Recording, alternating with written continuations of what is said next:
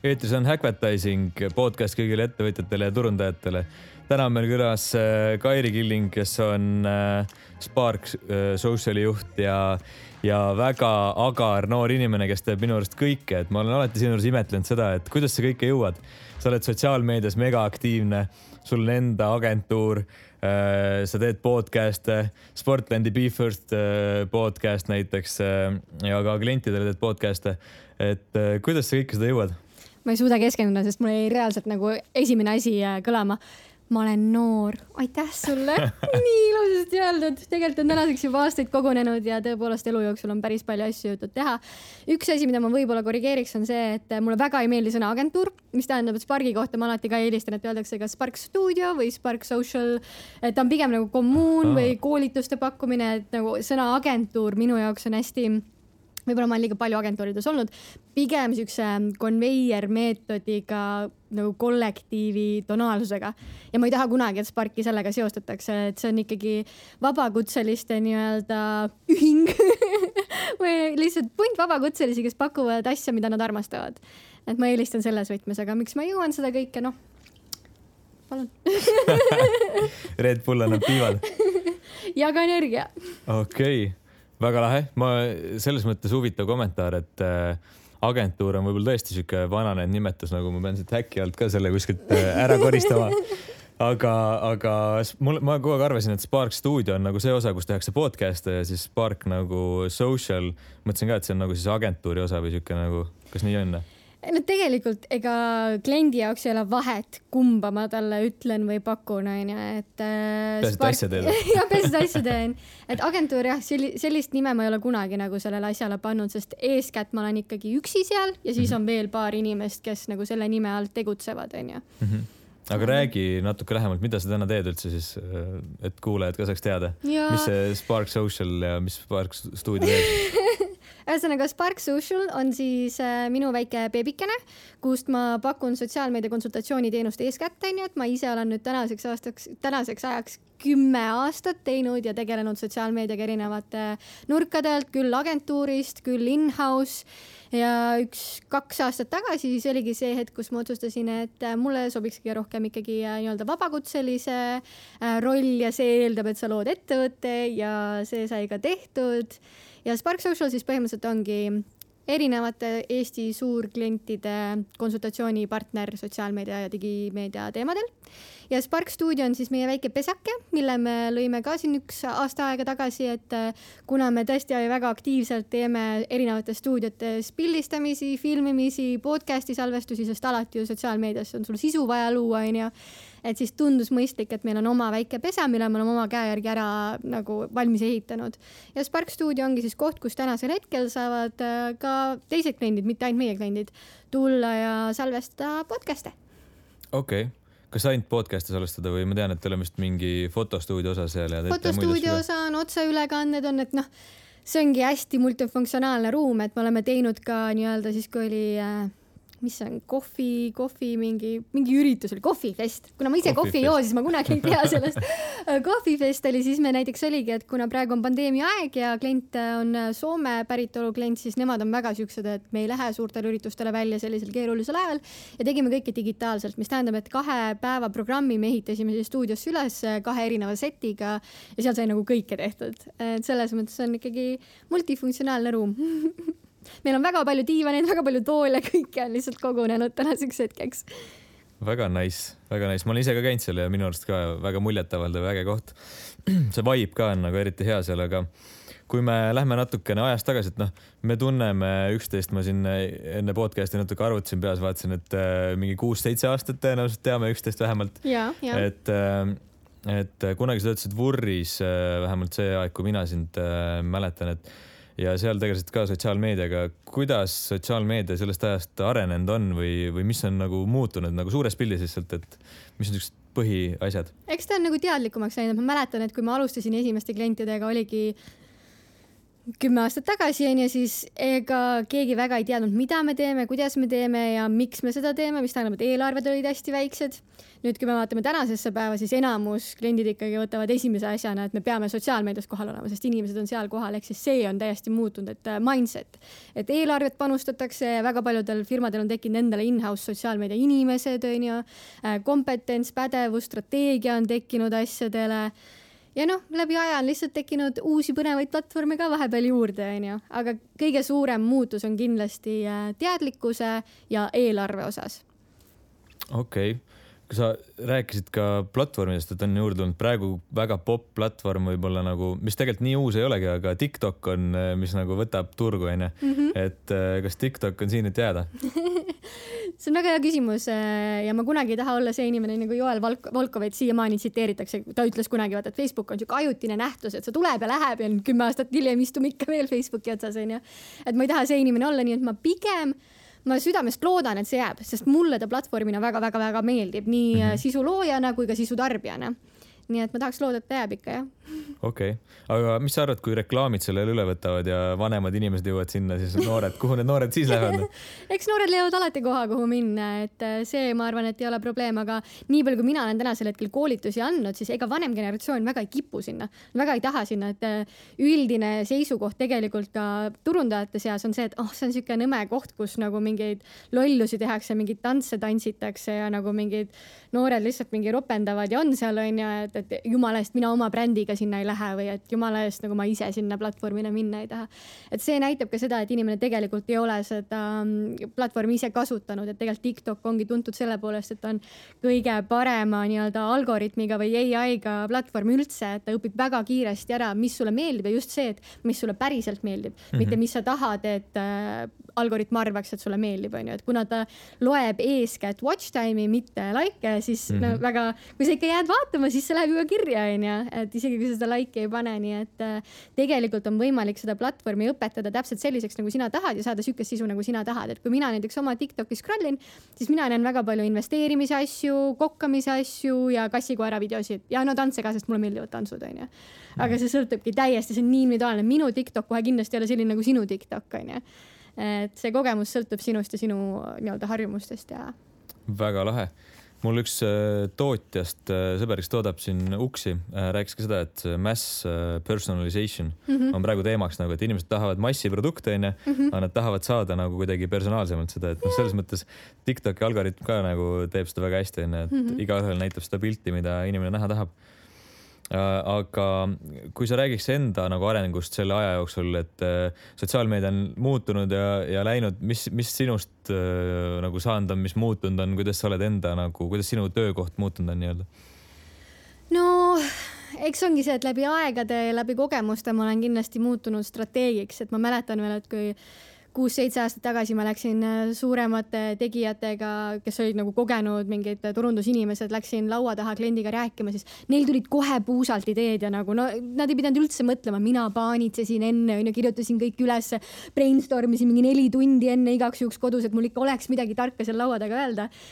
täna ma olen jõudnud sinna faasi, kus ma tõepoolest olen kogunud kokku nii palju teadmisi ja kogemusi, et mul on väga lihtne nagu kliente konsulteerida ja ma olen jõudnud sinna strateegi faasi, kus ongi miski ei hirmuta mind, ma olen valmis kõike proovima, et ma ei karda mitte mingit läbikukkumist, mitte midagi, sellepärast et sotsmeedia võlu ongi see, et esiteks sa saad kohe teada, kui sa oled läbi kukkunud, sest numbrid on väga ausad mm, -hmm. et siin ei ole mingit kõhutunde küsimust, et kellele meeldib või ei meeldi, et kas oli sinine parem või oli punane parem, onju, numbrid ütlevad sulle, kas sinine oli parem või punane oli parem ehk siis mulle meeldib jah see, et äh, ma olen jõudnud sinna faasi, kus ma julgen kõike teha, et ma ei karda, et ma olen juba ennast establish inud kui väga head professionaali, nii et nüüd ma võin eksperimenteerida ja panna hullu minu arust ka see on digiturunduses üldse kõige parem asi, et äh, numbrid on kohe olemas onju, sa näed kohe inimeste reaktsioone nagu yeah.. vaat okei okay,, midagi oli valesti, nagu numbrid äh, näitavad seda onju, teed muudatuse, nii kas läheks, läks paremaks või läks veel halvemaks et äh, mulle ka meeldib see digiturunduse juures, et äh, aga praegu sa ennem nimetasid, et te olete kooslus äh, siis freelancer eid, mitte mm -hmm. et mhm. sul ei ole nagu ettevõte ja seal töötavad inimesed nagu traditsiooniliselt. just, et äh, Spark Sociali on siis üks töötaja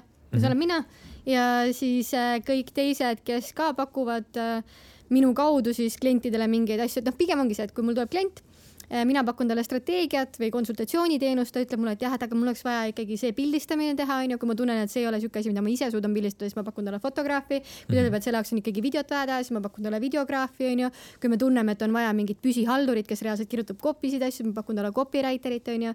et ma ise ei tee kõiki asju, sellepärast et ma ei näe tänasel hetkel vajadust, et minu kõige suurem tugevus ongi just see strateegiline pool ja konsultatsiooni pool, et ma ei tunne, et ma peaksin ise postitusi kõikidele klientidele kirjutama, onju ehk siis me olemegi niimoodi, et igaühel on oma ettevõte ja lihtsalt mina suunan nii-öelda siis inimeste juurde, et äh, väga huvitav. Ja, ja selles mõttes see terve selle nagu koosluse ülesehitus ongi siis niimoodi, et freelance inimesed, igaüks teeb oma nagu osa ja, ja aga kui suur see ring on, kes tavaliselt nagu mingi, ütleme, et üks klient tuleb sisse, tahab mingit, äh, ma ei tea, sul on mingi sotsiaalmeedia strateegia, nüüd sa lisad sinna asjad juurde, mis kui suur see punt hakkab tegelema nüüd ühe kliendiga? täiesti sõltub, et võib-olla kolm-neli inimest, kui on mingi suurem projekt, võib meid kümme ka olla, onju. et kunagi ei tea, et vastavalt vajadusele paned tiimi kokku, et äh, ja sina oled see põhi äh, nii-öelda müügimees siis, sa müüd strateegia maha? ei, ma ei ole mitte kunagi müüki teinud mm, -hmm. ma südamest ähm, ma ei tahaks öelda vihkan, aga ma ei oska müüa ja mul on see ebameeldiv tegevus mm, -hmm. ma saan küll aru, et kui ma pakun head teenust või toodet, onju, siis on nagu mõistlik müüa, onju. ma meeletult austan inimesi, kes osta, oskavad müüa, aga ma isiklikult ei suuda seda teha. ja ma kõige rohkem kartsingi tegelikult seda, et kui ma läksin nii-öelda palgatöö pealt ära, onju, et kust ma need kliendid saan, et kui mulle ei meeldi müügitööd teha, kui mulle mm -hmm. ei mhm. meeldi ennast sellises võtmes turundada, et siis kust nad tulevad, onju. aga Eesti on tegelikult nii väike, et äh, mul ei ole hetkekski olnud olukorda, kus mul oleks klientide puudus, et mul on pigem neid liiga palju ja seetõttu ma peangi neid suunama ja soovitama kellegi juurde, onju. ja saan seeläbi nagu pakkuda teistele vabakutselistele natukene tööd juurde, et kuna võib-olla ongi see, et ma olen nii kaua selles valdkonnas tegutsenud, ma olen erinevates agentuurides olnud in-house ides ja nii edasi, et kontaktide baas on juba nii suur mm. -hmm. ja kui sa teed head tööd, siis inimesed ju alati soovitavad edasi, onju. ehk siis, et ma ei ole kunagi pidanud müügitööd tegema, tui-tui-tui, aitäh, onju.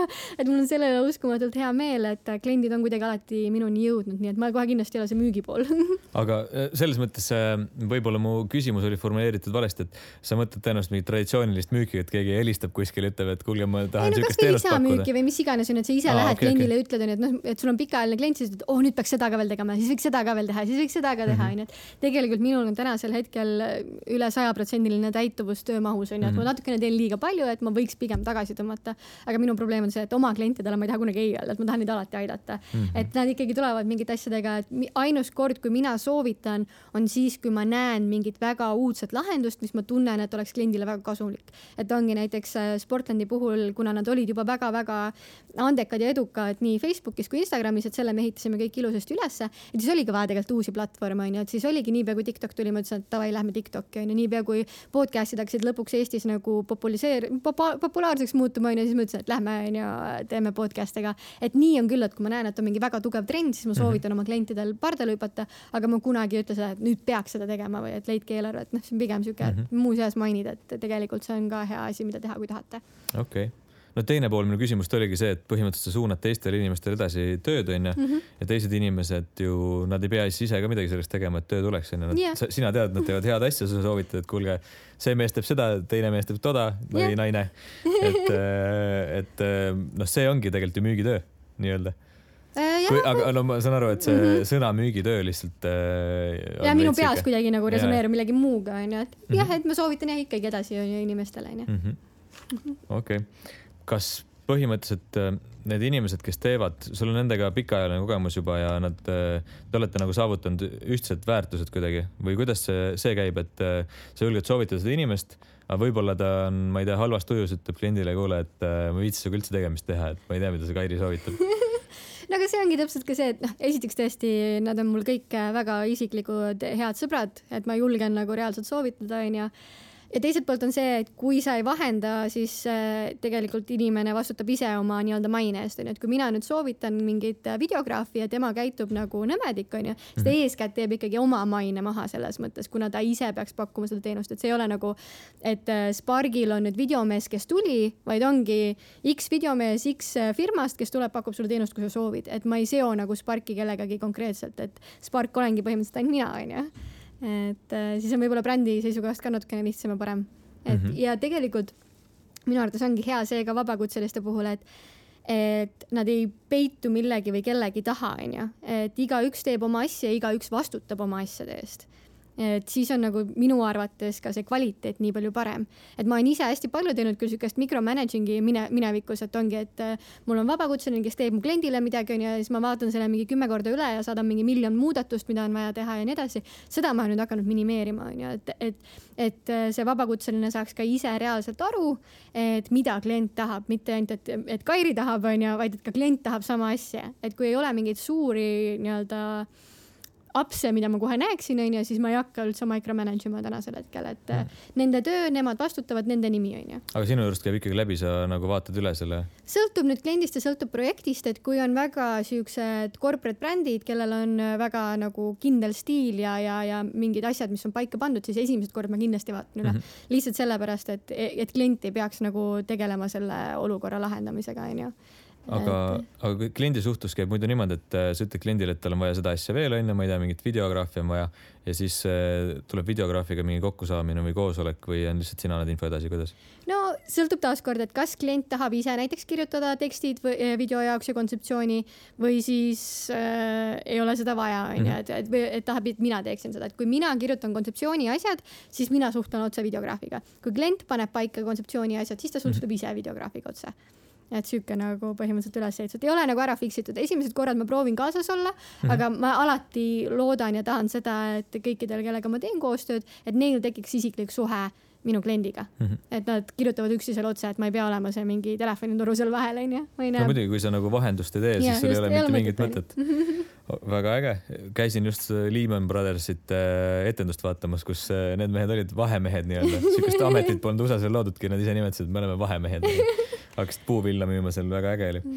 et äh, aga kuidas sa valid neid koostööpartnereid endale?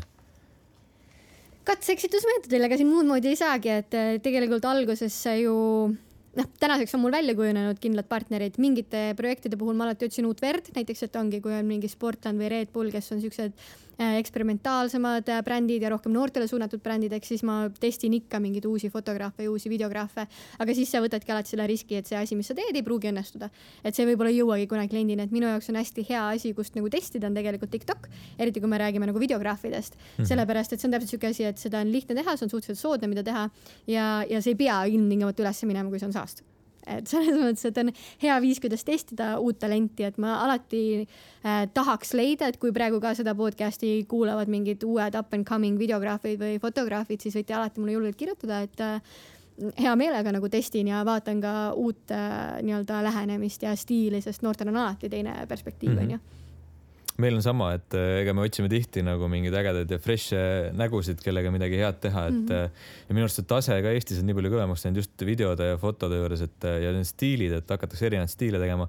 kui varem oli see, et hea fotograaf tegi lihtsalt nagu siukest ilusat pilti ilusate värvidega, siis mm -hmm. täna on nagu see stiil läinud hästi erinevaks, et kes teeb siukseid sügavaid, lahedaid onju pluss veel või, või siis teeb mingeid hästi värvilisi, aga võib ka see olla, et üks fotograaf teeb mitut erinevat stiili, et noh, see level on läinud üles minu arust täiega ja see on jumala äge. millel on nagu hea, oma head ja omad vead on ju, et ühelt poolt, kui sa teed äh, kunsti, siis see on väga hea, et mm -hmm. sul on nagu sihuke väga oma spetsiifiline stiil ja nii edasi. aga kui me räägime sotsiaalmeediast ja me räägime kommertsprojektidest, mis üldjoontes on, on ju, siis tuleb see koht, kus on ähm, ongi, sul on vaja leida talent, kellel on hea silm, aga kes oleks nõus oma nii-öelda kunsti meelt tõmbama tagasi turunduslikel eesmärkidel.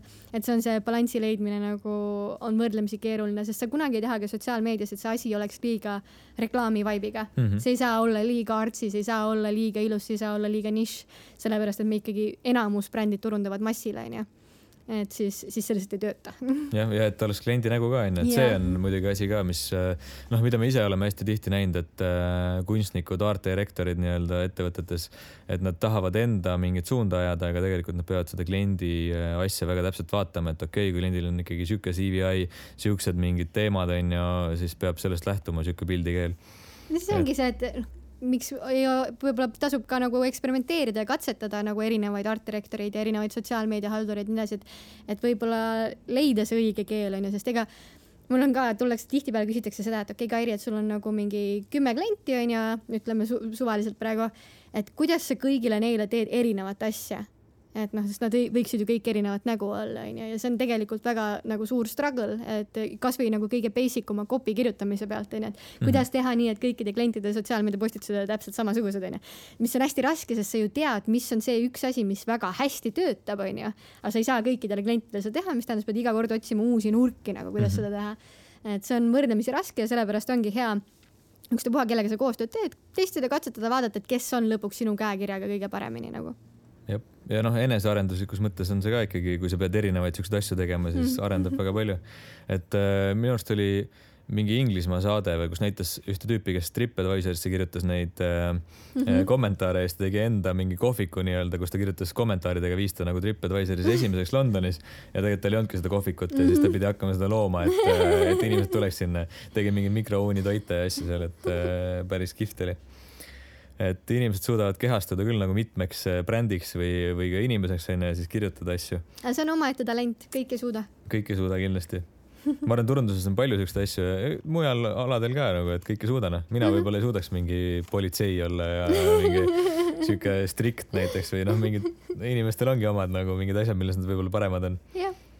vabandust, kõik politseinikud, tõin siukse näite ehm, aga kuidas, kas sul on ka siukest olukorda olnud, et tuleb mingi klient on äh, väga keeruline klient, sina saad väga hästi temaga hakkama, võib-olla sa suunad edasi mingi freelancer'i juurde ja temal on äh, räige struggle, ei saa hakkama, ei saa asju tehtud. ja ei, see on täiesti variant selles mõttes, et kuna inimtüübid on nii erinevad, siin tuleb taaskord see mängu, et äh, vabakutselisena minul on ka taaskord ka privileeg onju, et, et kui ma tunnen, et kliendiga klapp ei ole väga head onju, et asjad liiguvad raskemalt, kui nad peaksid, siis tegelikult mina alati soovitan kliendil leida keegi teine lihtsalt sellepärast, et meil ei ole mõtet üksteise aega raisata, nagu et kindlasti on olemas keegi, kellega sul on nii hea fit, et äh, läheb see asi nagu ladusamalt mm. -hmm. et ma ei näe üldse vajadust, et on küll olnud olukordi, kus ma olen ka edasi suunanud, aga ma üldjoontes ka hoiatan võib-olla teist vabakutselist ette, et noh, et minul näiteks oli natukene keerulisem nende asjade koha pealt on ju, et sa võid arvestada, et võib samu asju tulla ette.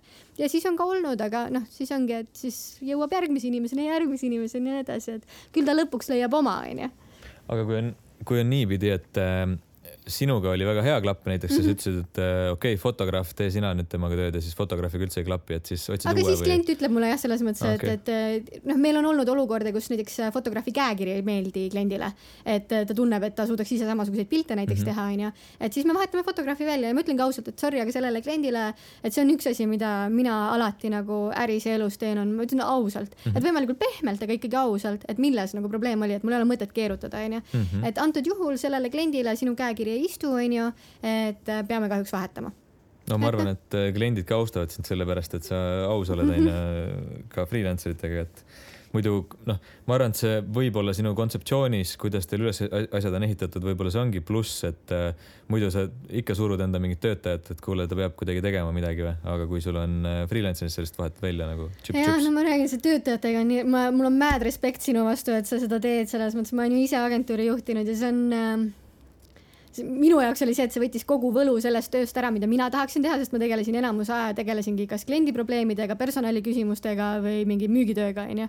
et ja tegelikult ma ei saanudki seda teha, mis mulle päriselt meeldis, mis on siis sotsmeedia mm. -hmm. et mul on jah, mad respect sinu vastu, et tõepoolest, kui sul on omal töötajad alluvad, onju, siis sa peadki kogu aeg tegelema sellega, et leida neile sobiv klient, onju, neid kogu aeg arendada, et nad oleksid vastavuses sellega, mida kliendid ootavad, onju, et see on ikka jah, et kui sul on vabakutseliste nii-öelda ring, siis kellegi ikka leiad, kes sellele kliendile sobib, onju. tuleb lihtsalt tublid inimesed palgata, siis on nagu kõik hästi. jah, aga noh, kõik inimesed ongi erinevad, onju, kõigil on erinevad tugevused ja erinevad mm -hmm. nagu oskused, onju, et, et väga lihtne on, kui sul on suur agentuur, sul on sada inimest, siis ikka nagu leiad hea match'i, aga mm -hmm. kui mhm. sul on väike agentuur, siis on nagu ikkagi raskem, onju või ma ei tea ma, ma ei ole täheldanud jah, ma ei ole täheldanud, võib-olla mul lihtsalt head inimesed sattunud, et. võib-olla tõesti. jah aga eh, kuidas sa, sa teed väga palju asju eh, ja, ja sa oled, eh, sa ennem just mainisid ka, et et investeerimise asjad tulevad sulle ette ja, ja ma tean, et sa teed sporti ja mõtlengi töösport, kõik podcast'id, kliendid. et kuidas sa jõuad kõike seda teha ja kas sul see noh, peale nagu Red Bulli, et kas sul on vahest mingi motivatsioonikriis ka, et kurat, täna hommikul ma ei taha üldse voodist välja minna, ma ei tahagi midagi teha, ma ei tahagi kliendiga suhelda ei, sellist asja otseselt ei ole, et ähm, äh, ma just eile kuulasin ka Train podcast'i äh, kus oli, ma jään ta nime vas-, võlgu, aga viimane Nike Train podcast, mis üleval on, mis on siis äh, ühe nii-öelda teadlasega, kes rääkis ka sellest, et äh, milline imetööriist tegelikult meie aju on, onju, et tegelikult meie aju on see, mis loob meie reaalsuse et äh, ja mitte selles kontekstis, et oo oh,, et kui ma mõtlen positiivseid mõtteid, et siis ma olen hästi positiivne mm, -hmm. vaid reaalselt see kutsub su kehas esile füsioloogilisi muutusi, onju, su vererahk muutub, onju, su stressitasemed langevad ja nii edasi. et väga palju on ikkagi kinni sinu mõtlemises, mis tähendab, ma ei ärka kunagi hommikul üles niimoodi, et nagu it's gonna be a shitty day ja ma ei tee mitte midagi ja nõme on sellepärast ma tean, et see reaalselt nagu muudabki selle minu reaalsuseks ja ma ei taha siukest elu endale, onju. mis tähendab, et ma ärkangi iga hommik ülesse, kasvõi see, et nagu algul fake it till you make it onju, sest lõpuks su, kui sa endale mingit asja sisendad, su aju hakkab seda uskuma, su keha hakkab seda mm -hmm. uskuma onju, täpselt nii nagu öeldakse, et nagu naerata lihtsalt, küll see naeratus lõpuks tuleb onju. et mul ei ole siukest motivatsioonikriisi, ei ole otseselt ja kui ma tunnetan, et see hakkab tulema, siis ma teen väikse puhkuse et ma üritan nagu vältida nii-öelda läbipõlemist, ehk siis, et kui ma tunnetan, et mingid asjad hakkavad nagu logisema või et ei ole enam päris seda sära silmis onju, siis lihtsalt võtan mingi kolm-neli päeva ja puhkan ja kohe on nagu fix itud. väga lahe. kust sul sihuke julgus on tulnud, et äh, võtta sihuke puhkus, et ma ise äh, tean seda, et hästi julgus raske. võtta puhkus või hästi ra-, minul, minul isiklikult nagu hästi raske on võtta puhkust, sa mõtled, et okei okay,, mis kõik juhtuda võib selle ajaga nagu, mis kõik ära tuleb teha ja nii edasi. aga mis juhtub? No võib juhtuda midagi, aga no, okei okay,, äh, loomulikult, kui ma niimoodi mm, ratsionaalselt mõtlen, siis midagi ei juhtu, onju. no täpselt aga..., et me tegelikult teeme tänasel hetkel siukest tööd, siukses valdkonnas, et kui me jätame midagi tegemata, mitte midagi maailmas ei muutu, reaalselt mitte midagi maailmas ei muutu nagu.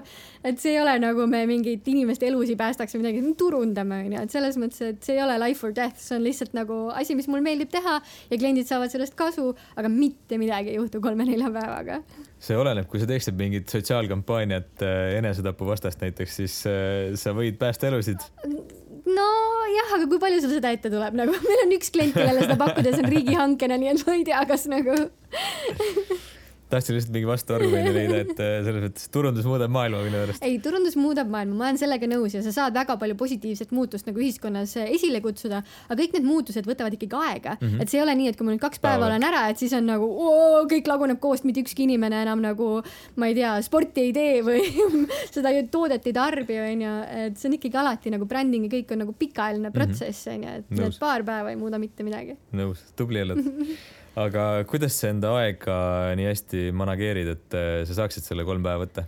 tead, ma olen proovinud erinevaid viise, kuidas siis oma aega planeerida. ma tänaseks olen jäänud äh, Moleskini Journali juurde, mis on siis äh, äpp mis aitab mul hästi nagu manageerida kõike. eks mul jookseb iga päev, jookseb sisse nii-öelda to do list, samas ka kogu kalender ja samas ka projektide ülevaade mis on minu jaoks nagu hästi mugav ja hästi hea, et ma üritangi teha nii, et mu to, to, to listis on siuksed kaks-kolm suuremat asja, mis on vaja kindlasti ära teha, kaks-kolm väiksemat asja, mis on vaja kindlasti ära teha ja rohkem ma üritan mitte sellele päevale nagu pressida. et kui ma näen, et mul on juba kuus-seitse asja nagu to do listis, sest alati tuleb vahele veel mingeid asju, onju. et äh, siis ma proovin nii, et ma ei pane sinna liiga palju, et kui esmaspäeva ei mahu, siis ma panen teisipäeva, et see on ka asi, mida ma olen ajaga õppinud, et vanasti oli see, et kui klient tuli mulle, ütles, et oh, kohe-kohe on vaja, onju.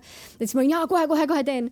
et täna ma olen jõudnud selleni, et ma kõigepealt küsin, et kas see on asi, mis põleb kui ei põle, okei okay mahub kolme päeva peale onju, kui ta ütleb, et põleb, siis ma olen okei okay,, et nii, kas ma olen nõus ohverdama oma mingi unetundidest või mingist ajast seda, et ma teen selle kliendi jaoks ära, üldjoontes ma olen, sest mul on väga toredad kliendid ja nad on minuga olnud forever and ever, nii et on nagu peres on sama hea, et nagu sõber küsib, et nagu, et kuule, kas sa saad mind aidata kolimisega onju. muidugi aitan.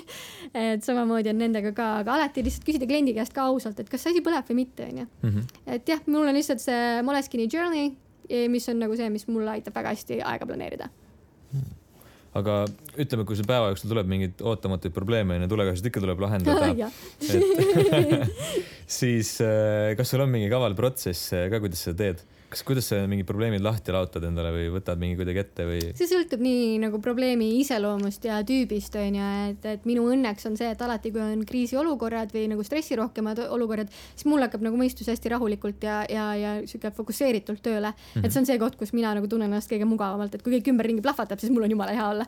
et siis ongi see, et ma hakkan vaatama otsast, et mida ma saan teha ja mida ma noh, kõige esimese asjana sa pead ära kaardistama, et mis siis juhtus või milles probleem on, onju. Mhm. sest tihtipeale on see, et isegi ei saa aru, milles probleem on, onju kui see on kaardistatud, siis vaatad, kas mina oskan seda lahendada ja oska, okei okay,, kas keegi teine oskab seda lahendada ja niimoodi samm-sammult lähed, kuni jõuadki probleemi lahenduseni. ja üldjoontes suhteliselt kiiresti tegelikult, et mm -hmm. asjad tavaliselt kipuvad pekki minema siis, kui kiirustatakse või tehakse midagi siukest, onju, et siis ongi, kui sa tõmbad juba korra tempo maha, siis juba asjad hakkavad lahenema iseenesest justkui nõus, nõus, ma tegin mental high five'i vahepeal, et äh, mul endal on samamoodi, et siis, kui kõik läheb väga rappa nii-öelda ja kõik on ventikas, siis mul on nagu täis rahu. ja see on siis, täiesti tuleb peale. nagu,. see on täpselt see nagu filmis, vaata kõik plahvatab, see on slow motion mingi. Ja lähme parandame ära selle olukorra. täiesti nõus.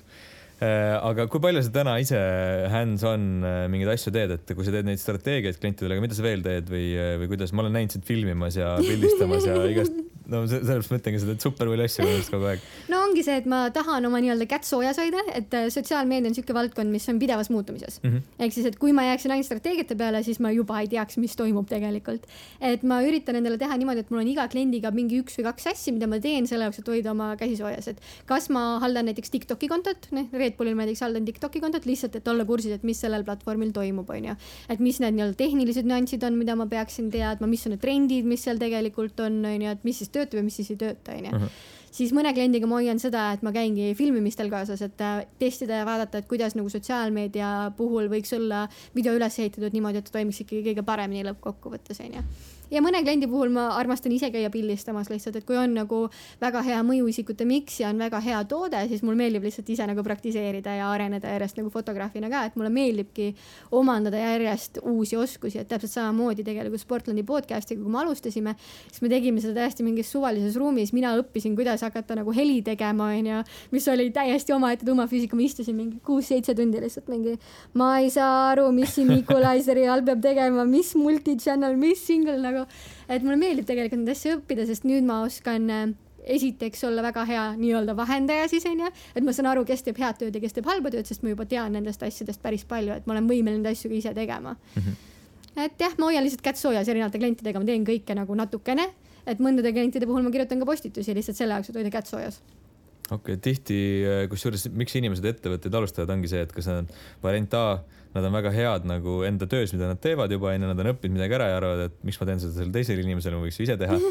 või siis variant B lihtsalt nad näevad äh, turul mingit vajadust, et nagu peaks seda tegema, nagu nad ise ei tea, kuidas teha, aga otsivad inimesed, kes nagu teevad seda siis.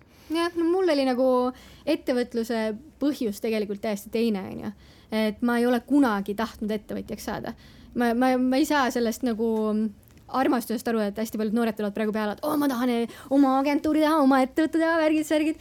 mina, mina olen näinud nagu terve elu seda, et mu vanemad on ettevõtjad, ma mäletan neid aegu veel, kui oligi, et kui öösel kell kaks keegi kõne tuleb, siis sa lähed, sest sa oled ettevõtja onju, see on mhm. sinu vastutus, sa teed seda onju. et ma olen näinud, kui suur pingutus ja töö ja vaev see on. nii et ma hoidsin nagu no meeletult kaua sellest eemal, et ma alati ütlesin, et ma ei taha hakata ettevõtjaks, ma tahan töötada üheksast viieni, olla selle rahuliku mõnusa elutempo peal, et kogu aeg palgatšekk nagu kukub onju, et vahet pole, kas sa teed tööd või ei tee tööd, ikkagi makstakse sulle onju.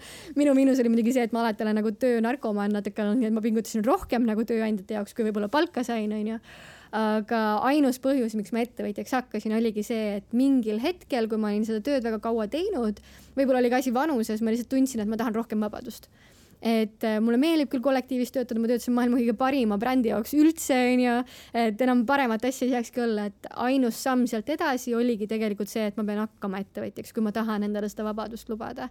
ja siis ma teadsin ka väga selgelt, et ma ei taha hakata ettevõtjaks selles kontekstis, et ma hakkan agentuuri looma, sest see on jällegi hoopis teine nagu stress ja pinge ja taaskord nii nagu PewDiePie, kes on siis üks maailma suurimaid Youtube erid ütles, et see, et mul meeldib Youtube'i videosid teha, ei tähenda, et mul meeldib juhtida agentuuri, mis teeb Youtube'i videosid, sest siis ma ei tee enam ise Youtube'i videosid mm. -hmm. et täpselt samamoodi mulle, et miks ma hakkasin vabakutseliseks, mitte ei hakanud agentuuri looma, sest kogemuste pagas on olemas, haridus on ju olemas, ma on ju magistrit olengi tegelikult ettevõtja onju, aga ma ei taha seda teha, sest see viib mind eemale sellest, mida ma päriselt armastan teha. nii et ma otsustasin vabakutseliseks hakata aga see oli ainult sellepärast, et ma lihtsalt ei tahtnud äh,, tahtsin lihtsalt rohkem vabadust. et ma ei pea iga päev tööd tegema või ma ei pea istuma see kolm tundi seal kontoris, et kõik arvaksid, et ma tööd teen, onju, või midagi siukest, et see oli ainus põhjus.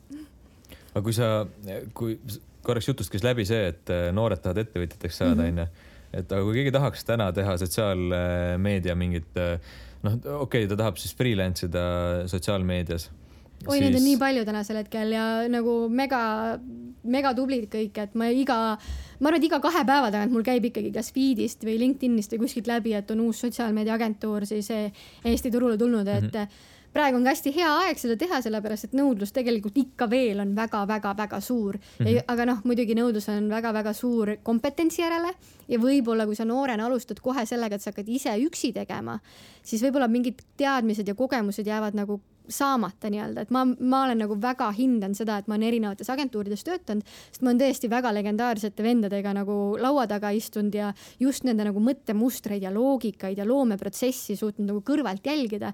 ja sellega sa õpid kõvasti rohkem kui siis, kui sa Youtube'ist õpid mingit sisu või, või, või käid koolis onju et äh, see on nagu üks asi, mis mul natukene on kahju kõigist nendest, kes hakkavad kohe esimese asjana mhm. enda agentuuri tegema, ma saan aru, nad teevad tõenäoliselt täpselt samal põhjusel, et, et saada seda vabadust, onju, et ma võingi paalil äh, palmi all neid postitusi teha, onju aga natukene võib-olla jääbki, nii palju kui mina olen nagu näinud neid töid, mida väga paljud alustavad agentuurid, mis siis koosnevadki tavaliselt ühest-kahest inimesest on ju teevad. Neil puudub tegelikult strateegiline nägemus asjale, et nad teevad sisu sisu tegemise pärast mitte müügi pärast või mitte nagu mingi brändi arendamise või kasvatamise pärast, onju. et näha on, et tegelikult tõenäoliselt ei mõõdeta seda, mis sealt nüüd sünnib mm -hmm. ja ei analüüsita seda läbi ja ei tehta strateegias muudatusi, vaid lihtsalt tehakse sisu, mis on ka tore muidugi aga, aga võib-olla äriliselt ei ole kõige mõistlikum. on, see on tore, kui sa ei tee seda kellegi teise raha eest, onju, et selles mõttes nagu, et kui äh, ikkagi kliendi raha eest asju teha, siis sellega kaasneb vastutus, et äh, minu arust äh, noh, ma võib-olla, ma ei taha ülekohut teha noortele, aga, aga tihti ongi võib-olla selle kogene, kogenematusest võib-olla või sellest äh, töötamise harjumusest või, või teadmisest, kuidas ettevõtted toimivad, sellest on puudu ja siis tahetakse ilgelt asja teha, aga võib-olla jah, põletakse natuke sellega, et äh, ei täideta kliendi vajadusi tegelikult onju. Mhm. et kui ikkagi klient näeb, et ma olen investeerinud kümme tuhat eurot onju sotsmeediasse ja ma olen sealt tagasi saanud ainult tuhat onju, siis ilmselgelt see ei ole teenus, mida mul on mõistlik osta. ja tegelikult see on see asi, mida inimene võiks juba ise analüüsida onju, et mm -hmm. mul on ka tihtipeale see, et klient tuleb hästi suurte soovide ja tahtmistega onju, aga samas ta müüb väga kallist äh, toodet, mida ma näen, et sotsiaalmeedias võib-olla see ei drive'i talle nii palju nagu raha tagasi, siis ma olengi, et kuulge, aga äkki tõmbame natuke tagasi, et äkki me teeme siinkohal ainult neid, neid, neid, neid asju, et siis see investeering on ka mõistlik mm. -hmm. ja samamoodi on tegelikult ka minul äh, nagu raha küsimisega projektide mõttes, et ma alati analüüsin läbi, et kas see väärtus, mida mina pakun, on reaalselt väärt seda hinda, on ju, mida ma küsin mm. -hmm. et ma kunagi ei taha nagu, sest tegelikult kuna ongi nõudlus on ju tänasel hetkel turul suurem minu aja järgi kui see, mida ma nagu pakkuda saan, siis mul alati kõik nagu tuttavad selles valdkonnas ütlevad, Kairi, tõsta lihtsalt hinda, tõsta lihtsalt hinda nagu, et sul on nõudlus nii suur, et noh, saadki nagu mingi hunniku kliente endale -hmm. kes on, maksavad sulle hästi-hästi palju ja siis ma nagu jah, aga see ei oleks mu südametunnistusel okei okay,, sest ma olen välja arvutanud, et minu väärtus on nagu kliendile tõenäoliselt see, see, see, see summa ja sellepärast ma olen siukse pakkumise teinud, mitte sellepärast, et nõudlus on nii suur või kõrge, onju. Mhm. et see on minu südametunnistuse küsimus ka ja et mitte seda hinda väga kõrgele visata hea, et ma siin lappesse lähen kogu aeg mingi tekstiga, liigun lihtsalt Google'i suvalistesse kohtadesse, aga noh. väga lahe, mulle meeldib, mulle meeldib. et äh, aga kui täna tahaksid alustada mingi noor inimene sotsiaalmeedia turundusega mm, -hmm. et äh, kuskohast ta peaks alustama, kuidas ta enda nii-öelda agentuuri või freelance karjääri alustab? Sõltub, mis võtme alt ta nüüd minna tahab, onju, et mina isiklikult soovitaksin ikkagi võtta no, paar aastat ja käia ja töötada erinevate inimestega, et kas siis praktikana või noh, et, et sa saaksid hüpata erinevate inimeste juurest läbi ja õppida nendelt nagu erinevaid oskusi ja nägemusi ja, ja, ja kogemusi ammutada et samamoodi nagu noh, et ülikooli mineku asemel lähed eluülikooli nii-öelda onju oma valdkonnast, kui sa juba tead väga hästi, mida sa teha tahad mm. -hmm. kui see kogemuste pagas on olemas, siis ma olen täiesti kindel, et sa oled palju edukam äh, ettevõtja lõppkokkuvõttes. et võib-olla ei tasu kohe nagu joosta agentuuri tegemise juurde, aga no kui on see tunne, siis go for it, ega siin muud ei olegi, tee ettevõte ära ja hakka otsast pihta, täpselt nii nagu sul eelmine külaline ütles, onju, lihtsalt hakka pihta. kõige tähtsam äh, alustada. mis on nagu minu jaoks siuke nagu kuna ma olen ise hästi süsteemne, pragmaatiline inimene, siis ongi näiteks, kuidas mina agentuuri või agentuuri kuidas mina ettevõtlusega alustasin, oligi see, et mul oli ikkagi meeletus koguses erinevaid plaane. et mulle ei meeldi nagu wing ida, mulle ei meeldi nagu lootma jääda mm -hmm. mingite asjade peale. et mul oli plaan A, mul oli plaan B, mul oli plaan C ja nii edasi, onju, et vastavalt sellele, et mis siis nagu toimuma hakkab. ja ma arvan, et tänu sellele ma olen ka nii edukas olnud eh, nii finantsilises kui ka nagu üldse nii-öelda Spargi brändingu mõttes. et mul oli see asi nii läbimõeldud eelnevalt eelnevalt, et kuidas ma teen, miks ma teen. sest see on küll võib-olla asi, et enne kui sa tegema hakkad, mõtle korra sellele, et miks mm. -hmm. miks ma seda teen, miks on vaja mind siia turule, kus on juba väga palju agentuure, väga palju sotsiaalmeedia inimesed, mida, kuidas, kuidas mina saan midagi muud pakkuda või midagi erinevat pakkuda. et võib-olla see miks leida ja siis hakata pihta. ma arvan, et ega ilmaasjata pole nagu äriplaane ja muid asju loodud, et selles mõttes, kui sa need asjad kirja paned, äriplaani kui sellise nagu struktuur tõenäoliselt ei ole kõige moodsam ja lahedam onju, on palju ägedamaid, noh, mis mulle endale meeldib, on see business model canvas, kus sa paned mm -hmm. nagu ressursid kirja, et et ma teen seda, pakun klientidele seda, kust tuleb klient, kust tulevad need ressursid, mida mul vaja selleks on ja nii edasi mm, -hmm. et, et minu arust need äh, annavad mingi hea aluse, kuidas ettevõtet luua või üldse, kuidas mingi äriga alustada, et siis seal sa analüüsid läbi juba, mida mm -hmm. sa mhm. pakud ja kust sa saad need asjad, mida sa pakud. no minu jaoks kõige nagu positiivsem nurk äriplaani juures on alati see, et sa teed äh, turuanalüüsi ehk siis sa tead läbi lõhki juba oma konkurente, sa tead juba mm -hmm. nende hindasid, mina ikka saatsin täiesti suvaliste meilide alt, et mul oleks vaja videot, et palju maksab et sa tead juba hindasid, sa tead konkurente, sa tead, sul on nagu hea ülevaade pärast äriplaani sellest, et mm -hmm. kuhu sa üldse ennast positsioneerida saad siin turul.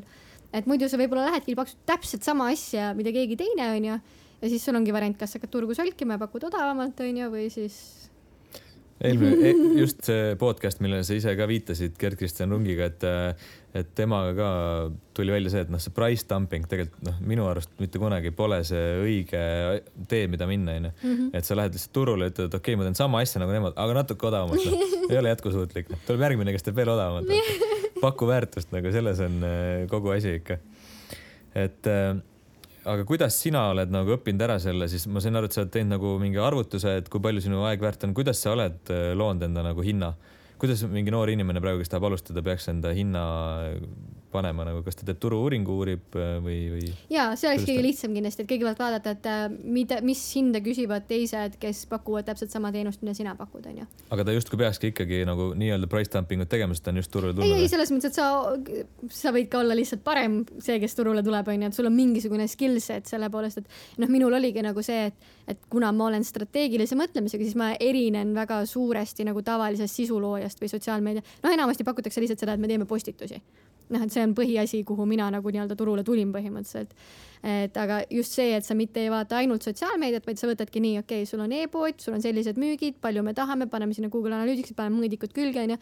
et see eristas mind ja pakkus, andis nagu väärtust, onju et aga kui sa tuled ja hakkad oma hinde kaardistama, siis üks asi on see, et sa teed turu-uuringu ja teine asi on see, et sa paned paika, et kui palju sina pead, onju, heaks eluks äh, raha teenima vaatama, mis see tundides endast kujutab ja siis analüüsime seda turuga ja siis analüüsime seda väärtusega, mis sa pakkuda saad, et näiteks, et äh, mul on klient X on ju, kes investeerib äh, minusse tuhat eurot on ju ja selle tulemusena tema saab kaks tuhat eurot käivat tagasi on ju.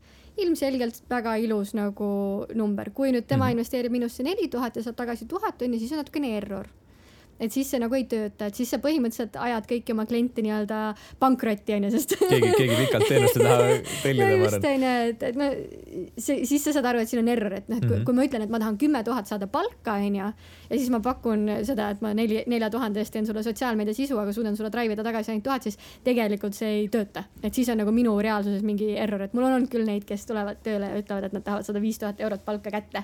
ja siis ma olen mingi, mida sa tegema hakkad mul siin siis et ma täitsa tahan teada, kuidas sa selle viis tuhat pluss maksud pluss mingid äh, ruumid pluss nagu minu kasum sinna vahele tagasi teenid?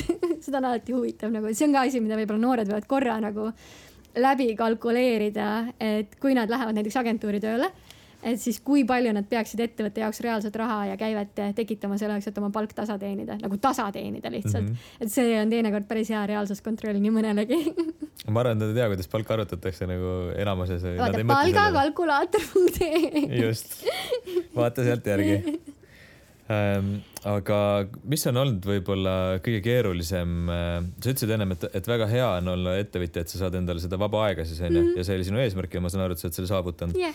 aga mis on nagu keerukused ettevõtluse juures olnud, on sul nagu mingeid asju olnud või kõik on nagu lepasareel läinud? no mul ikka jopas, mul läks ikka väga-väga hästi, et tõesti, mul ei ole olnud nagu ühtegi takistust või ühtegi probleemi selles mõttes, et kõik on läinud nagu väga sujuvalt. et ma ei teagi, kas asi oli selles, või tõenäoliselt oli asi selles, et ma tegin seda väga õigel ajal mm. -hmm. et tõesti, mul oli juba olemas agentuuri juhtimise kogemus, mul oli ettevõtja haridus juba olemas, onju, mul oli väga suur kogemuste pagas, mul oli väga suur kontaktide baas, mul oli väga palju kliente, kes juba tahtsid mu juurde tulla, ehk siis, et nõudlus oli juba enne olemas, enne kui ma nii-öelda teenust pakkusin ehk siis äh, võib-olla oligi lihtsalt kõik asjad jooksid õigesti, et, et ei ole tänasel hetkel olnud nagu probleemi. kõige suurem probleem, mis mul on, on tšekkide ülesleidmine, et raamatupidajale saata nagu see on põhimõtteliselt kõige raskem asi, mis ettevõtluse juures on.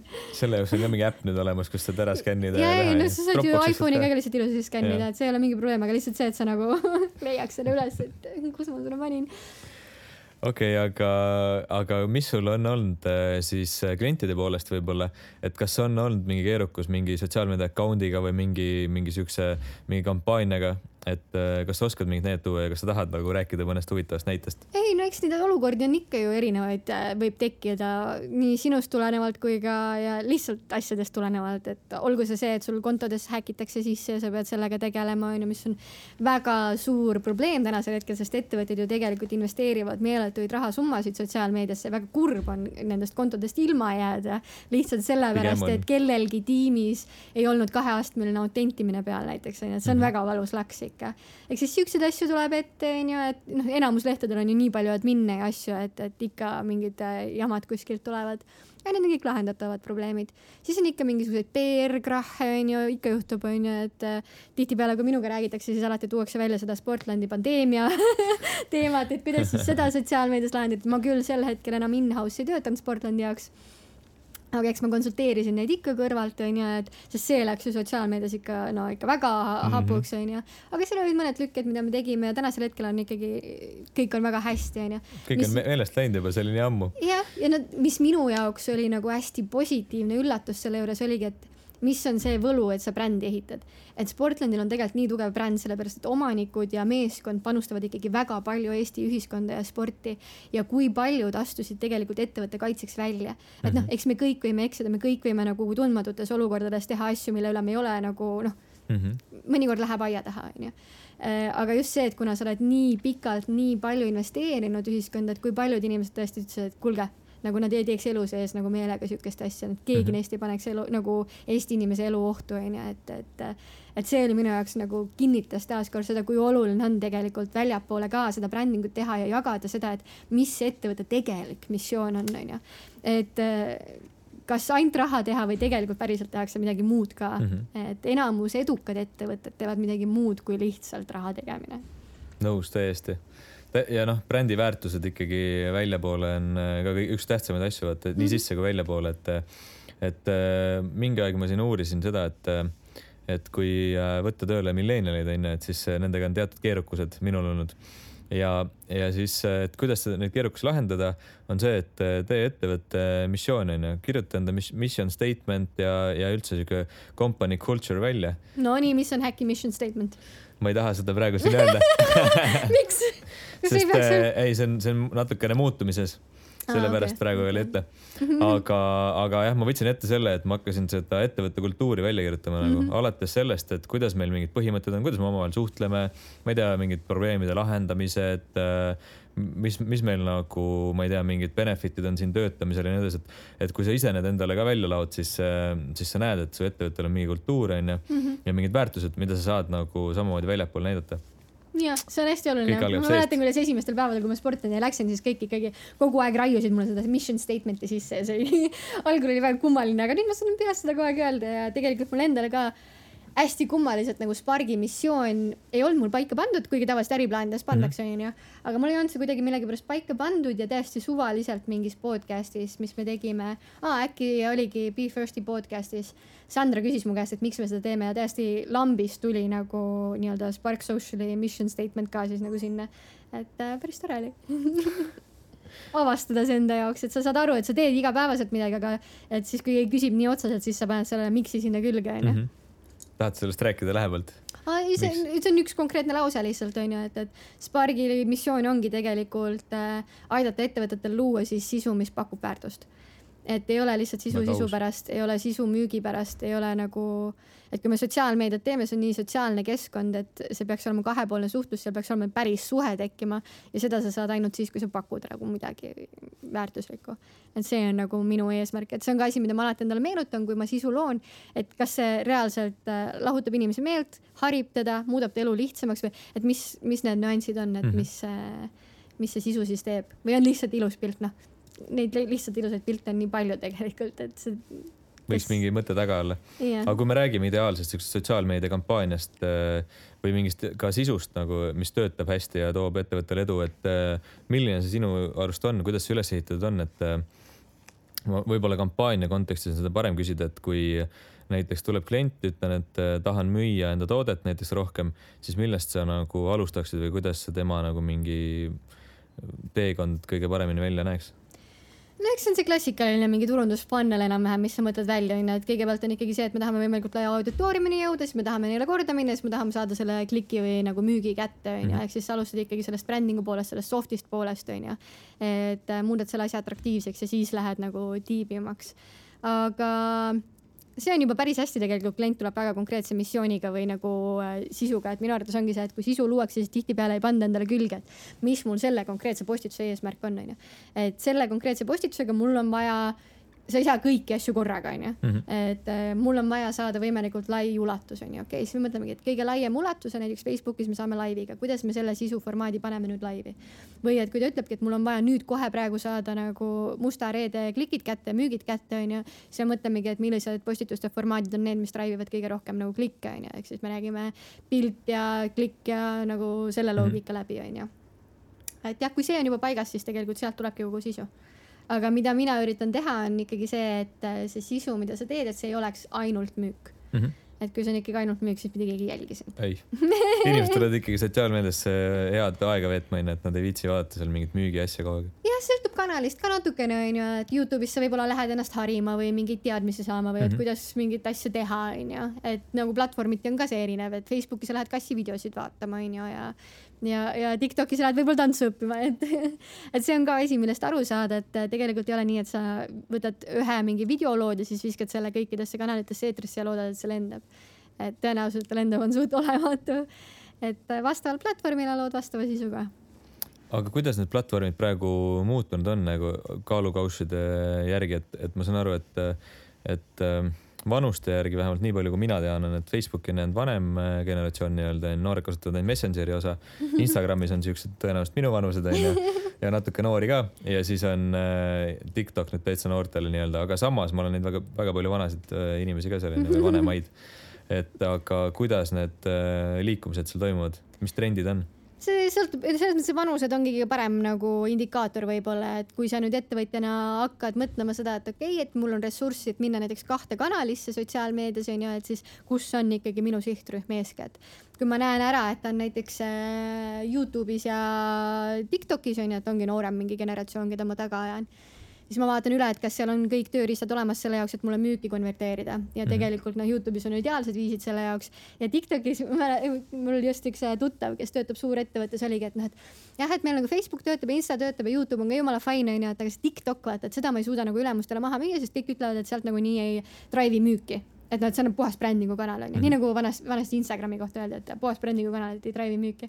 ja siis ma omaette muigasin, et äh, tegelikult Amazon just andis nagu välja mingi statistika, et äh, müügid nagu eelmine kevad versus see kevad onju ja top tooted olid põhimõtteliselt kõik tooted, mis äh, trendisid Tiktokis ehk siis, kõik iluvaldkonna tooted, mille nii-öelda käive kasvas kahekordselt onju, ühelt poolt pandeemia pärast onju, aga lihtsalt kui sa vaatad nagu top tooteid, mis on, siis need on kõik mingisuguse Tiktoki trendiga seotud, mis tähendab seda, et see drive ib tegelikult müüki onju.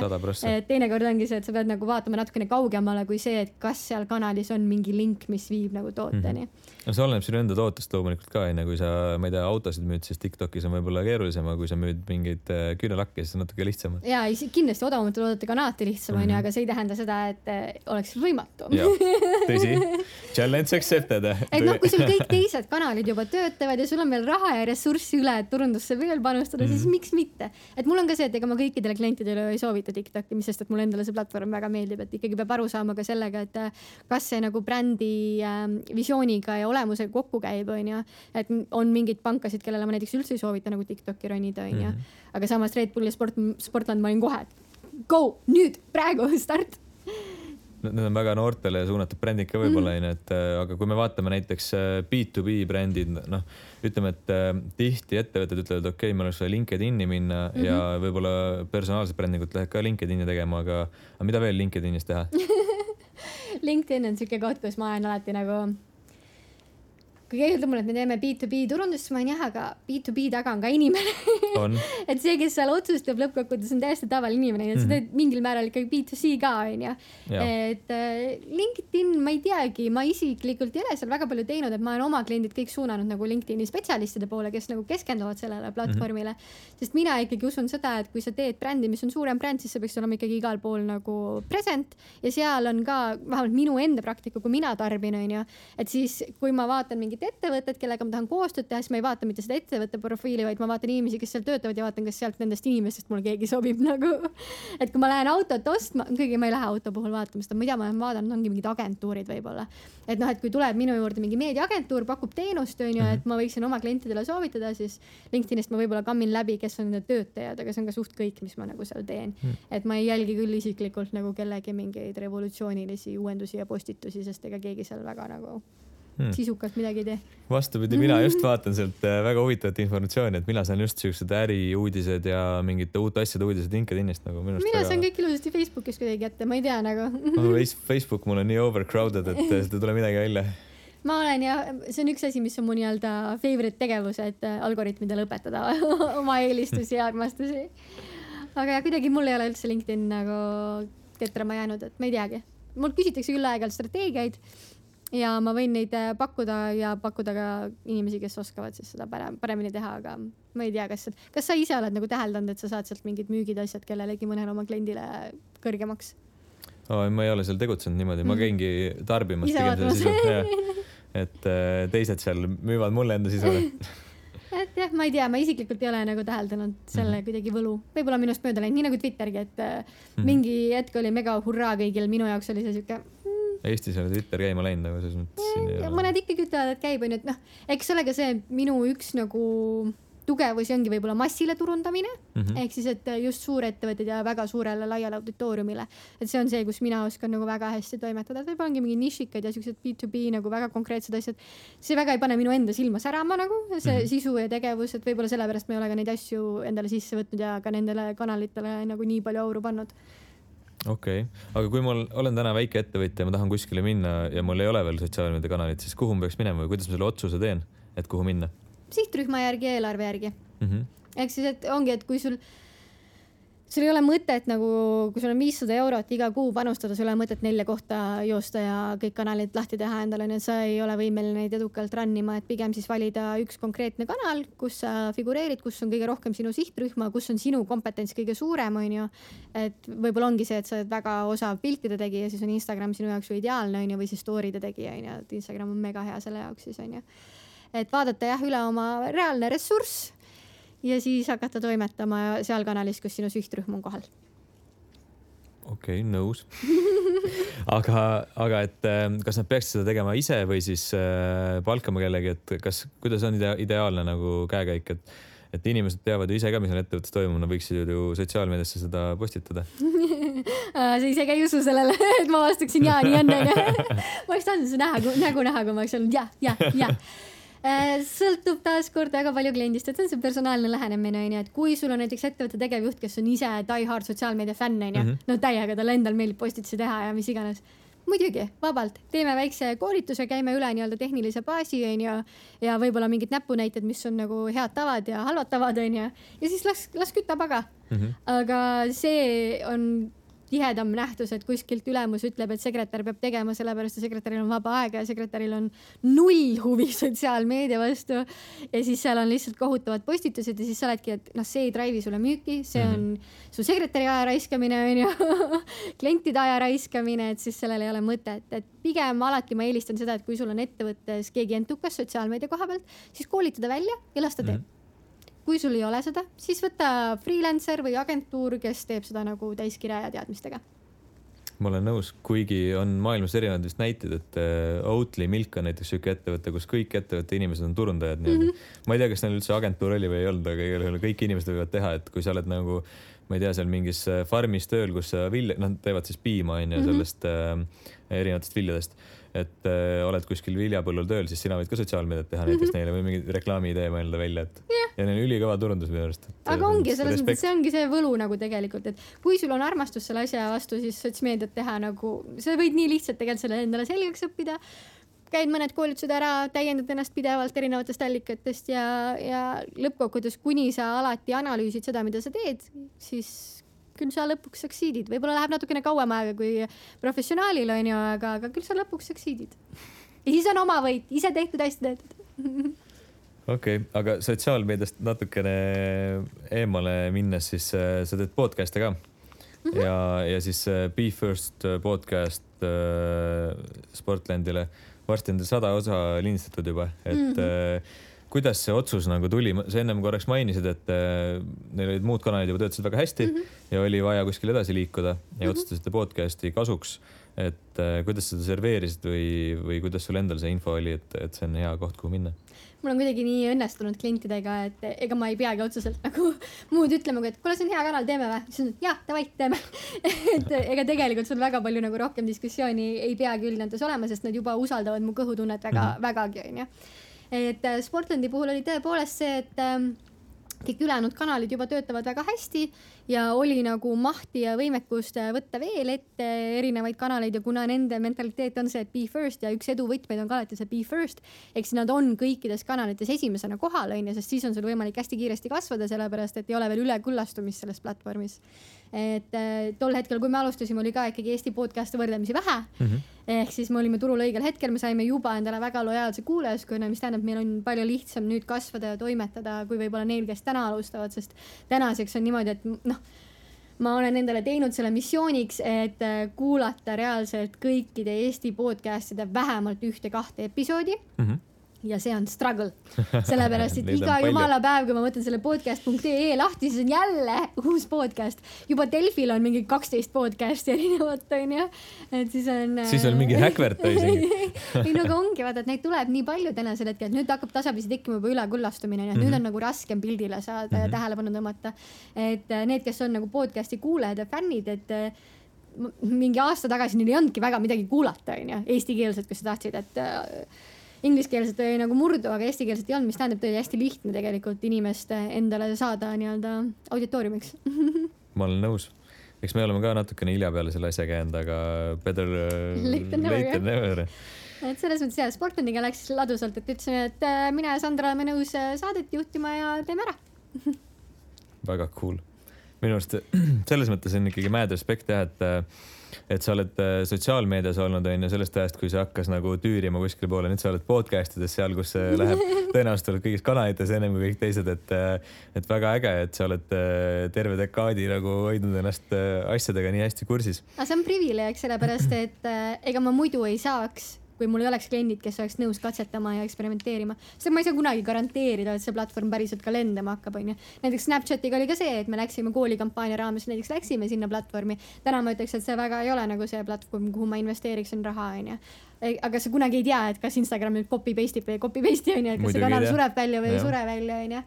et ega siin muud ei olegi, kui lähed ja katsetad ja testid ja siis sa saadki olla alati esimene onju. Be first okei okay, äh,, sa ei taha esimene olla ainult äh, podcast'is, vaid sa teed sporti ka kõvasti, et äh,. ja sport oled... on üks koht, kus ma ei taha üldse esimene olla. tõesti, nagu päriselt, et mul ei ole absoluutselt seda, me just Sandraga naersime, et äh, siis kui Ironmanist rääkisime, onju temal on ikka nagu missioon, et kui ta oma poolikut teeb, et siis ta tahab nagu kiiremini ja paremat aega saada, onju minu missioon alati nende asjadega on see, et ma tahan hästi tunda ennast. ma tahan tunda, et ma olen midagi saavutanud ja teinud, aga mitte nii, et mul on veremaitse suus. ma tahan nagu nautida seda protsessi, eks mul ei ole oluline olla esimene, ma ei saa kõiges esimene olla. ma olen juba väga hea äh, sotsiaalmeedia strateegia turundaja ma ei pea olema suurepärane sportlane, et äh, piisab täiesti sellest, et ma tunnen ennast hästi ja olen terve ja kõik on tore. ja me räägime sellest hästi tundmisest, kui sa teed te, Ironmanil triatloni, et sa äh, ujud, sõidad yeah. rattaga, jooksed yeah.. tahad täpsustada, kui palju kilomeetreid seal kokku läbitakse? Äh, ma loodan, et ma nüüd ei valeta, äkki oli ujumist oli üks koma kaheksa, ratast oli üheksakümmend ja jooks oli siis kakskümmend üks koma üks või? ehk siis, aga see on täiesti, et kui sa oled ikkagi eelnevalt trenni teinud ilusasti ja valmistunud selle jaoks, siis see on puhas nauding. et ma ei kujuta nüüd ette, mis see täispikk ennast kujutab, et kunagi ma tahaksin kindlasti selle ka ära teha aga aga see võib olla juba nagu sihuke, mis on nagu valus poolik on sihuke, mis on väga tore kõigile kindlasti, et kui sa oled vähegi sportlik inimene, siis see on nagu kogemus, mida ma soovitan.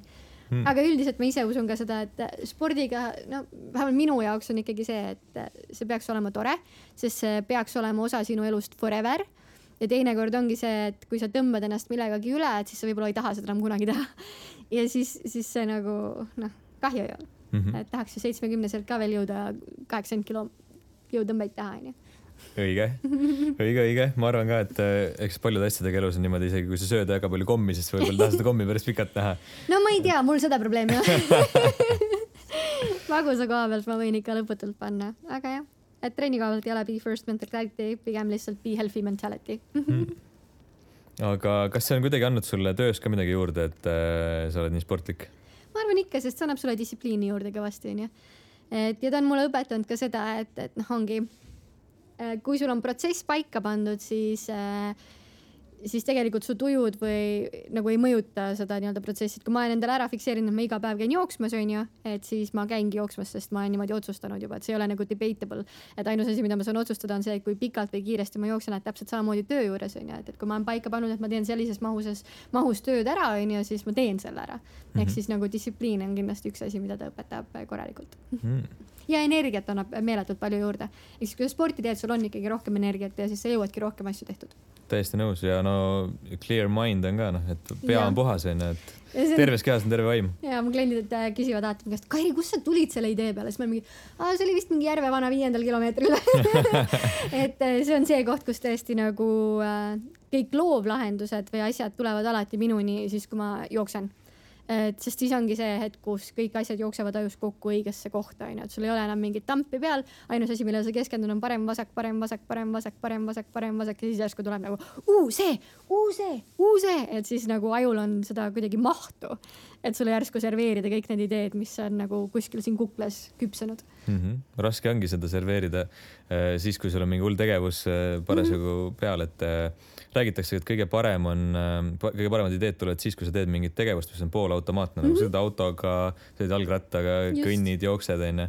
et noh, Steve Jobs isegi, kes pikkadel jalutuskäikudel onju, ma ei tea, podcast'is üldse Steve Jobsi välja tuua on vist väga leim, sest äh, teda kvoodi takse igal pool. Come on, seda venda võib kvooti teha, ta on nagu väärt seda True, aga Äh, sa ennem ütlesid, et, äh, et kliendid tulevad sinu juurde iseenesest, et sa ei pea justkui otsima neid, onju, et mm, -hmm. et sul on tutvused ja nii edasi. aga et keegi alustaja täna, kuidas tema kliente leiab? ma arvan, kõige lihtsam ongi. Friends, fools and family või ah?? Friends, fools and family kõigepealt. ma ei tea, kas ma perele alustaks kõige esimene, see tundub natukene liiga raske ma olen hästi palju Eesti podcast'e kuulanud ja meil on Eestis väga palju ettevõtluse teemalisi podcast'e onju, et äh, podcast Mull räägib naiste ettevõtlusest onju, Täitsa Pekkis äh, podcast'is käivad väga paljud ettevõtjad rääkimas ja nii edasi, et see esimeste klientide leidmine, kas see oli ka Han-, ma arvan, et see oli podcast Mullis äkki ka üks tütarlaps, kes alustas just oma agentuuriga ja tema rääkis igast, Hanna-Liina, ma jään vastuse võlgu, mul on kohutav nimede mälu, ma väga vabandan. aga tema ütles küll, et tõesti, et alguses lähed, käid ja pakud, et teed mingeid asju nagu annad oma väärtust võib-olla natukene enne ära enne kui sa raha hakkad küsima. eks teed mingeid asju neile, näitad juba, mida sa oskad, mis su mõtted on, onju, et nii on kõige lihtsam võib-olla. Eh, ma mäletan murjeaegadest, mis oli meie tegevjuhi strateegia oli see, et otsis, et eh, üles kliendid, kellel on midagi tuksis, midagi on väga halvasti ja siis kirjutas neile, kuulge, teil siin kodulehel ikka see ei tööta ja see ei tööta, no kui teil abi vaja on, siis kirjutage. Mis on nagu sihuke riski business, sest sa nagu algul nagu solvad natukene klienti mm, -hmm. vaata. Aga nagu toimis ilmselgelt, et eks neid strateegiaid on erinevaid ja sa pead leidma selle, mis sinule toimib kõige paremini mul on näiteks äh, Sandra on minu arvates, Sandra Roy on siis minu arvates selline inimene, kellele töö jõuab alati sellepärast, et ta lihtsalt, ta käib erinevates seltskondades, ta on nii elav, ta räägib kogu aeg ja sealt tulevad kõik kontaktid, onju.